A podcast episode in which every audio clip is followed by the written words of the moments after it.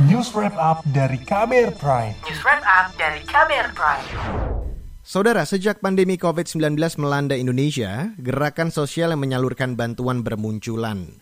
Gerakan-gerakan ini hadir untuk membantu mereka yang terdampak pandemi COVID-19 secara ekonomi, sosial, dan juga kesehatan. Upaya saling bantu ini dibangun tanpa sekat, jarak, dan waktu. Dan dengan adanya internet hingga media sosial, saluran bantuan tak pernah berhenti banyak orang baik bertemu orang yang membutuhkan. Berikut saya hadirkan perbincangan jurnalis KBR Ardi Rosyadi dengan mereka yang bergerak dalam kegiatan filantropi di tengah gempuran pandemi. Dipandu rekan kami, Sindu Darmawan. Ingatan Faiz kembali ke suatu malam di bulan Juli 2021. Tiba-tiba saturasinya terus turun dan kendalanya saat itu itu malam hari hampir masuk jam 12 malam lah kira-kira. Terus aku sebar-sebar coba ke teman-teman sama saudara. Tapi berhubung udah larut malam mungkin juga udah pada istirahat sih. Terus aku cek rumah sakit lewat telepon juga susah saat itu. Ayah Faiz yang tengah isolasi mandiri di rumah mendadak sesak napas. Faiz langsung mencari oksigen dengan menghubungi rumah sakit satu persatu. Ia juga menyisir bantuan di dunia maya. Hasilnya nihil kepanikan pun makin menjadi. Corona di Indonesia dikhawatirkan masih jauh Kala itu, kasus COVID-19 memang sedang memuncak akibat masifnya varian Delta. Jumlahnya tembus 40 ribu kasus per hari. Beruntung, Faiz menemukan situs wargabantuwarga.com. Lewat situs itu, ia mendapat pinjaman tabung oksigen berikut isinya dari warga lain. Satu tabung ini menyelamatkan nyawa ayah Faiz. Terus aku langsung hubungin dan yang nyediain ada di wilayah Jakarta Pusat. Aku sih ada di Bekasi. Tapi nggak apa-apa lah, yang penting ada buat Bapak. Warga Bantu Warga mengusung konsep solidaritas tanpa batas. Warga bisa saling berbagi informasi dan bantuan secara daring. Farah Devana, juru bicara dan relawan warga Bantu Warga menjelaskan bagaimana kanal ini terbentuk ketersediaan alat dan fasilitas kesehatan minim, masyarakat juga bingung mencari informasi ke mana. Hal-hal ini yang menjadi latar belakang inisiator si warga bantu warga ini. Jenis bantuan yang tersedia pun kini makin beragam.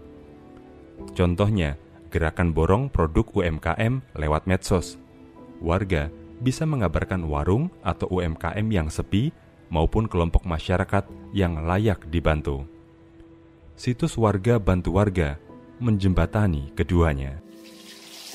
Masih sepi nemen pas corona kayak gini, tapi alhamdulillah mau dagangan. Kemudian ada program yang baru saja kami luncurkan adalah borong UMKM. Jadi si donasi yang terkumpul tadi nanti kami belikan makanan di warung-warung, warteg, kita borong karena PPKM pasti sepi. Nah, makanannya kita borong nanti kita bagikan lagi nih ke warga yang membutuhkan, pekerja-pekerja informal yang justru terdampak besar juga nih di sini. Aksi solidaritas serupa menjamur di banyak tempat. Salah satunya Gorontalo Baik Indonesia yang juga mengoptimalkan teknologi digital. Pembina Yayasan Gorontalo Baik Indonesia, Ririn Afitri kami mendirikan ini lewat grup WhatsApp. Jadi kami mengumpulkan orang-orang baik yang punya minat yang sama, yang suka berdonasi, yang suka meminta untuk cariin dong siapa yang perlu dibantu gitu. Lalu kami mencari informasi lewat teknologi. Digitalisasi mengatasi keterbatasan ruang dan waktu. Bantuan pun bisa cepat disalurkan dengan jangkauan lebih luas hingga keluar wilayah Sulawesi. Untuk sejauh ini kami punya satu campaign yang donasinya lumayan besar yaitu satu miliar itu untuk pondok pesantren Tuli di Yogyakarta. Itu juga menjadi yang terjauh karena kan kami di Gorontalo tapi kami menyalurkannya di Yogyakarta.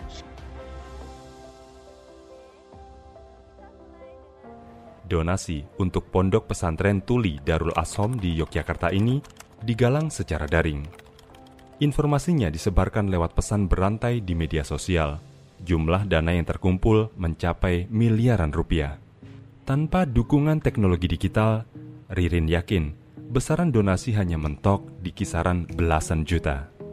Menurut Ririn, teknologi digital bisa melipat gandakan dampak dari gerakan solidaritas di masa pandemi.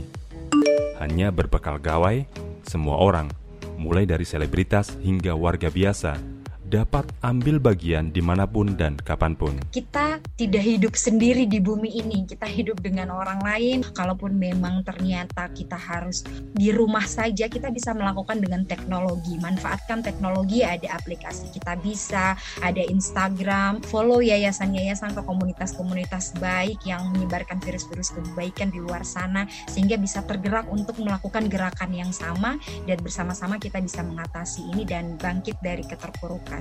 Masifnya aksi tolong-menolong ini selaras dengan survei yang menempatkan Indonesia sebagai negara paling dermawan sedunia. Semangat bela rasa dan gotong royong sudah mendarah daging dalam karakter bangsa. Demikian laporan khas KBR, saya Sindu Darmawan. Kamu baru saja mendengarkan news wrap up dari KBR Prime. Dengarkan terus kbrprime.id, podcast for curious minds.